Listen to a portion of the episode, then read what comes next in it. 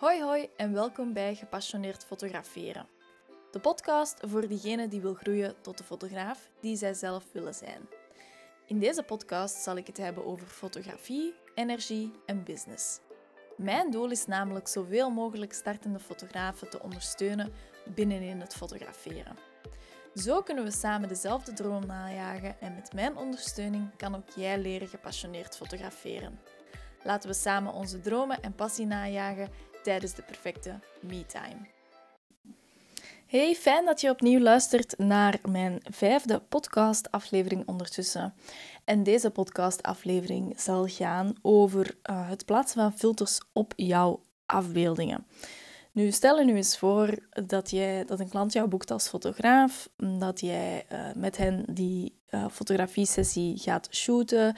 Je bent uren bezig in Lightroom om die foto's heel mooi te krijgen. Um, je, drukt daar effectief je eigen stempel op. Uh, die foto's die zijn van jou, die zijn gemaakt aan de hand van uw stijl, aan de hand van uw fotografie-stijl. En je levert die af gelijk jouw eigen kunstwerkje.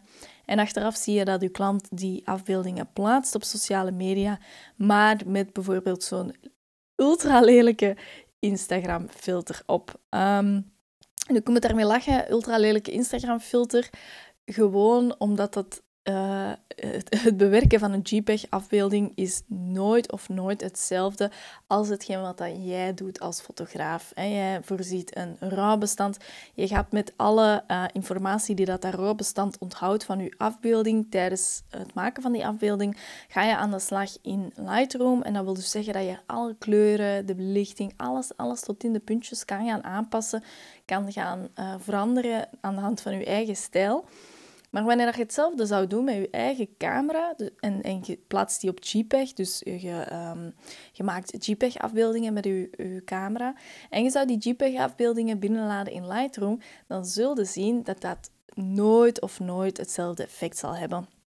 JPEG-bestanden zijn veel kleiner, zijn veel minder zwaar, maar dat wil ook gewoon zeggen dat die veel minder geheugen, gegevens sorry, uh, onthouden, dus ook veel minder geheugen bevatten. En uh, daarom ook dat het gewoon echt een super slecht idee is om uh, foto's nadien te gaan bewerken of nadien een filter te gaan overplaatsen. Uh, niet alleen dat, je hebt die afbeeldingen bewerkt. Waarschijnlijk gebruik je eigen presets om die afbeeldingen te gaan bewerken. Um, wanneer dat daar dan over die bepaalde preset nog eens een andere filter op, of preset wordt overgeplaatst, dat wordt gewoon één grote cacophonie. Je moet dat, ik zie dat altijd een klein beetje als dat je aan het verven bent en um, je bent bezig met hele mooie kleuren, gemaakt een regenboog, alle kleuren zijn aanwezig en ineens begint je al die kleuren allemaal te mengen over elkaar. Welke kleur geeft dat? Bruin. Dat wordt echt gewoon een ja, een, een kakkleur, om het zo te zeggen. En dat is ook zo ah, wanneer je je afbeeldingen uh, filter na filter na filter gaat plaatsen op een JPEG. Dat komt gewoon niet goed. Dus waarom mag er geen filter over je foto geplaatst worden? Dat is super belangrijk dat dat niet gebeurt, want dat is uw foto. Um, dat is uw eigendom. En de klant zal ook normaal gezien uw, uw naam onder die afbeelding plaatsen.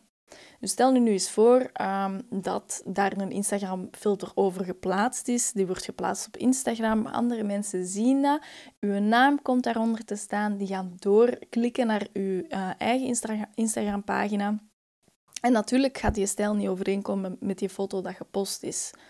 Um, ja, er wordt eigenlijk, eigenlijk krijg je een hele andere etalage als fotograaf dan dat eigenlijk je echte etalage is. Dus dat, dat klopt gewoon niet, dat komt niet overeen met je eigen stijl.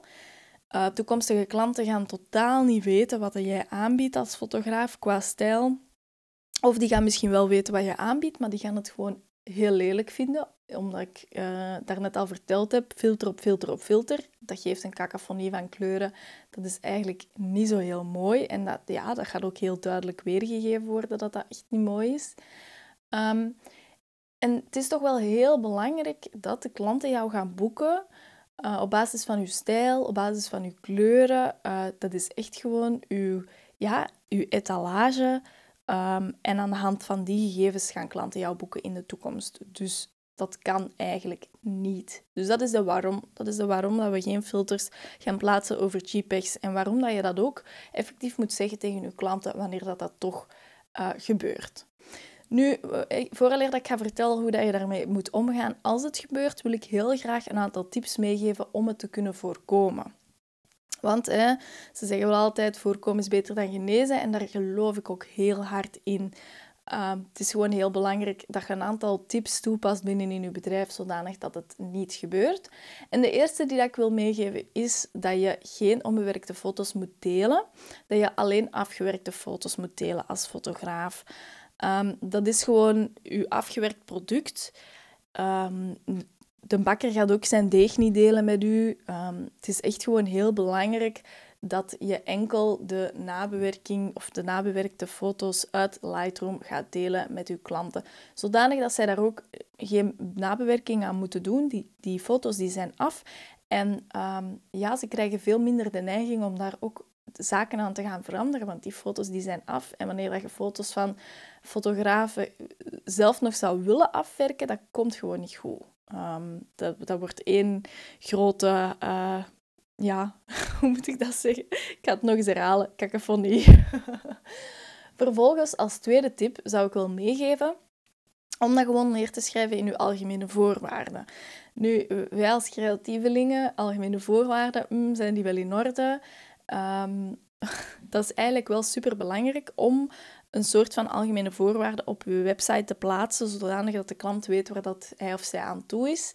En je zou dat eventueel in het begin zelf kunnen opmaken of je kan daar een advocaat voor onder de arm nemen. Ehm, dat kan allebei, maar probeer wel altijd in die algemene voorwaarden te plaatsen dat andere klanten geen filters of uh, foto's niet extra mogen nabewerken.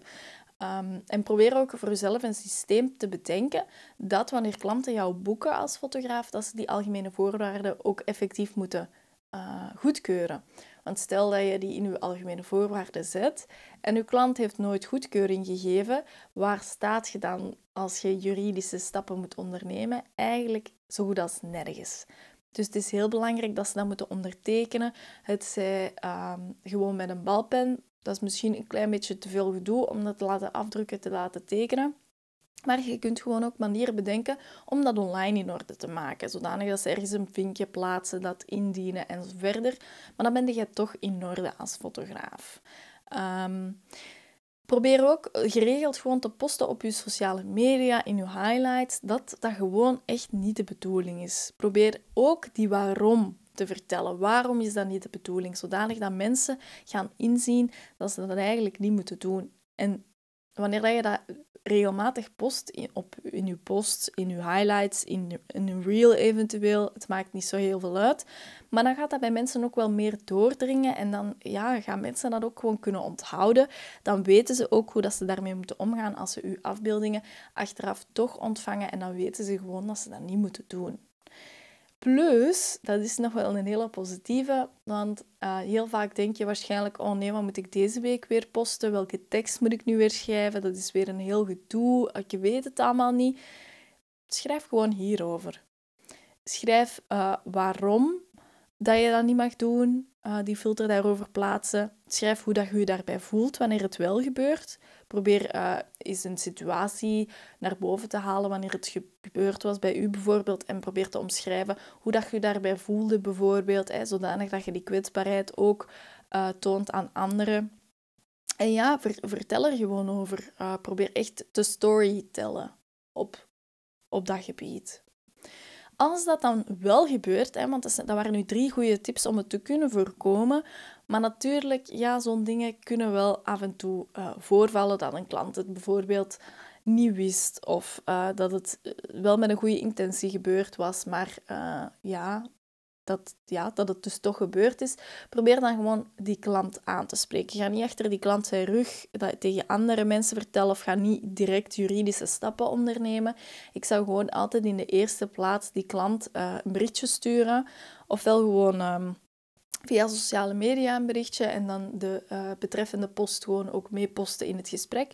Ofwel uh, kan je ook gewoon een spraakbericht sturen. Dat is altijd iets persoonlijker, iets leuker om, ook om te ontvangen, zodanig dat je die emotie ook in je stem kunt steken. En probeer gewoon ook uit de ik-boodschap te vertellen wat dat er op je lever ligt, waarom dat, dat zo is en ja, hoe dat je je daarbij voelt. Zodanig dat mensen zich niet aangevallen voelen, maar eerder gaan denken van oei, dat was helemaal, mijn bedoeling niet om u zo te laten voelen. Ik ga het gewoon verwijderen en opgelost. Nu, wat is heel belangrijk om in die, in die post of in die tekst uh, te vertellen? Ik zou echt vertellen waarom het niet mag.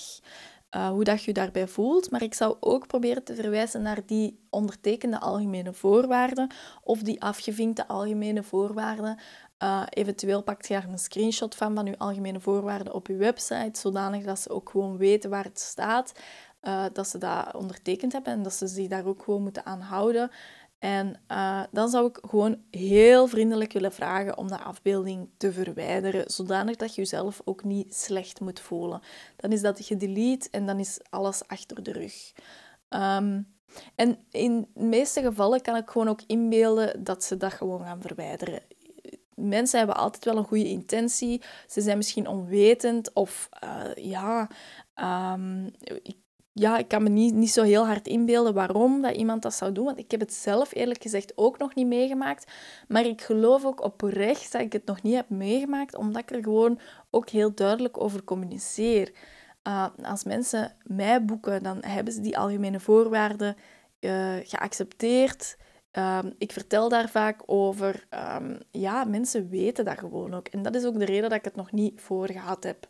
Maar um, ik ben er eigenlijk vrij zeker van dat iedereen die zo aangesproken wordt en gewoon ook dat je uh, even je hart op tafel legt en gewoon ook vertelt wat er op je lever ligt, dat ze die afbeeldingen dan ook gaan verwijderen.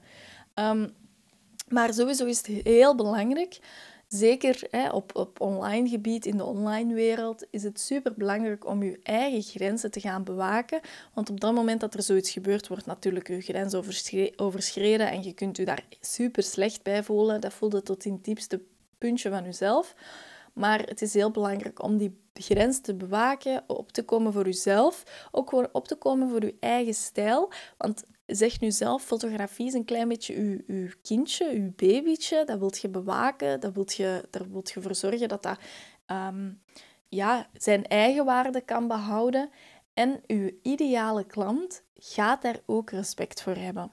En stel dat je nu een hele negatieve reactie terugkrijgt van die bepaalde klant, onthoud dan altijd, het is uw ideale klant niet. En dat is heel makkelijk gezegd, zo van, oké, het is je ideale klant niet, hop naar de volgende. Maar dat is ook zo. Mensen die dat je ideale klant zijn, die respecteren u, die weten wie dat je bent, die proberen uh, goed met je om te gaan. En als dat niet gebeurt, als die grenzen wel overschreden worden, dan is dat je ideale klant niet. Je handelt de zaak af. Je zorgt ervoor dat, het geen, dat ze geen klant meer worden bij u of dat ze u niet meer gaan boeken.